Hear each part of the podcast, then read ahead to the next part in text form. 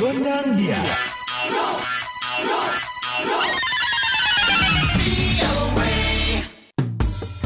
Halo halo Sobat VOA, kembali hadir VOA Gondang Dia bersama Dewi Gemini. dan Ronan DC pastinya dari VOA di Washington. Sobat VOA, kali ini ada obrolan reporter VOA Yoni Puspadi dengan mahasiswa Papua yang saat ini sedang belajar di Amerika, beasiswa dari Gubernur Papua.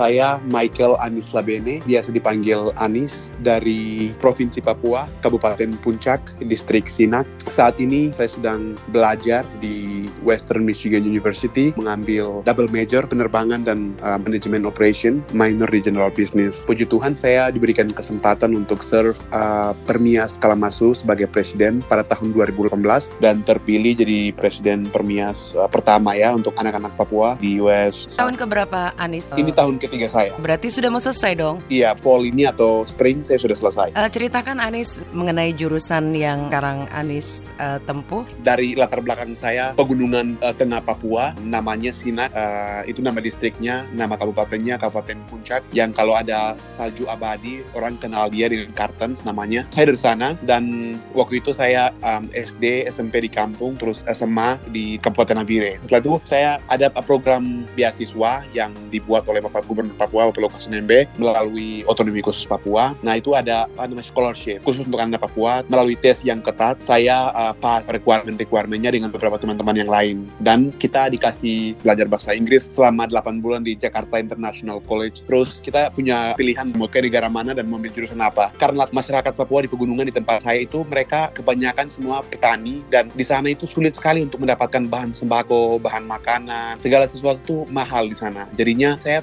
memikirkan apa yang bisa saya lakukan untuk masyarakat saya supaya mereka juga bisa merasakan keadilan, mereka bisa merasakan pembangunan itu sebenarnya. Jadi saya pikir-pikir jurusan apa yang bisa saya ambil sehingga saya bisa memberikan kontribusi itu. Oh iya, saya mungkin bisa jadi pilot melayani masyarakat di pegunungan tengah Papua sehingga bisa mem- membangun eh, transportasi akses yang lebih terbuka sehingga masyarakat di sana bisa merasakan pembangunan itu. Pesawat terbang itu pun juga pesawat terbang yang berukuran kecil seperti Cessna Caravan 208. Jadi Hmm. Anis juga belajar menerbangkan pesawat Cessna ini. Betul, saya di sekolahnya kita sudah standarnya Cirrus. Jadi sekarang saya sudah uh, terbangkan pesawat Cirrus Acer 20. Apa saja eh, mata kuliahnya yang dipelajari? Jadi saya di sana di Western, kita yang di aviation untuk graduate sampai selesai itu kan ada flight hour yang kita harus selesaikan dan juga course teori juga yang kita harus selesaikan itu sekitar 125 kredit Mhm. ditambah dengan jam terbang. Untuk mencapai tiga tahap itu semua, kita harus selesaikan sekitar 195 uh, jam terbang. Iya, dan sejauh ini Anis sudah berapa jam? flight science-nya sekarang saya sudah mengumpulkan 36 jam terbang. Private-nya sudah mau selesai. Saya akan masuk ke instrumen dan komersial. Ada persyaratan khusus untuk mengambil jurusan ini Anis? Uh, tes kesehatannya mata, terus pernah menggunakan narkoba atau tidak. Juga kita tes FAA. Jadi di US itu requirement-requirement yang harus kita uh, selesaikan sebelum uh, masuk jadi student pilot itu yang lebih utama. Jadi kalau misalnya kita tidak tembus di apa syarat-syarat tes-tes itu berarti kita bisa bisa ambil penerbangan, kita ambil jurusan lain. Tapi kalau kita pas itu, maka kita bisa langsung masuk penerbangan. Ini biayanya per tahun berapa untuk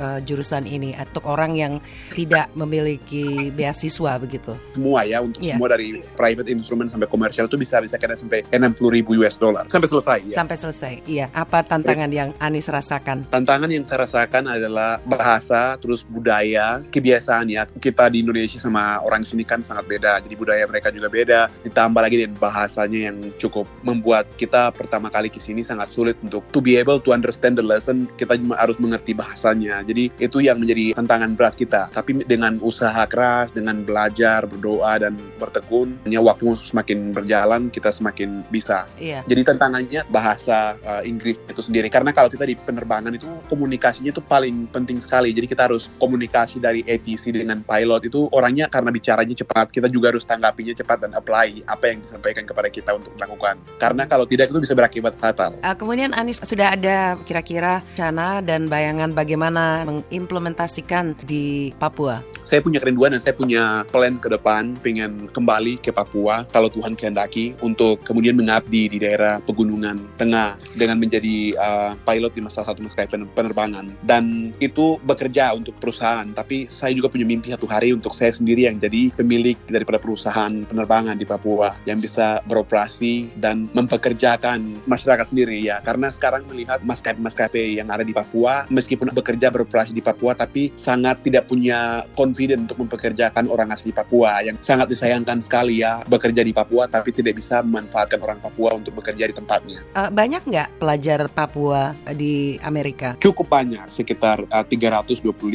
mahasiswa Wah, hebat. Papua seluruh Amerika. Sebagian besar ada di Korban Oh, Portland, I see. Hmm. Ya, ya, ya, ya. di Western Michigan University di tempatnya saya, terus di California, di Florida, di Texas, Seattle, dan juga di George Mason University di Virginia, and also di Boston. Menarik sekali ya, Anis, sebuah program yang mungkin bisa dicontoh oleh daerah-daerah lain di Indonesia. Betul, program yang sendiri dirancang oleh Bapak Lukas Nembe, Bapak Gubernur Papua. Nah, Sobat VOA, semoga obrolan bersama Anis Labene tentang pengalamannya belajar di Amerika untuk membangun dan memajukan kampung halamannya inspiratif ya. Sekarang kita pamit. Yuk, dadah, bye-bye. The voice of America.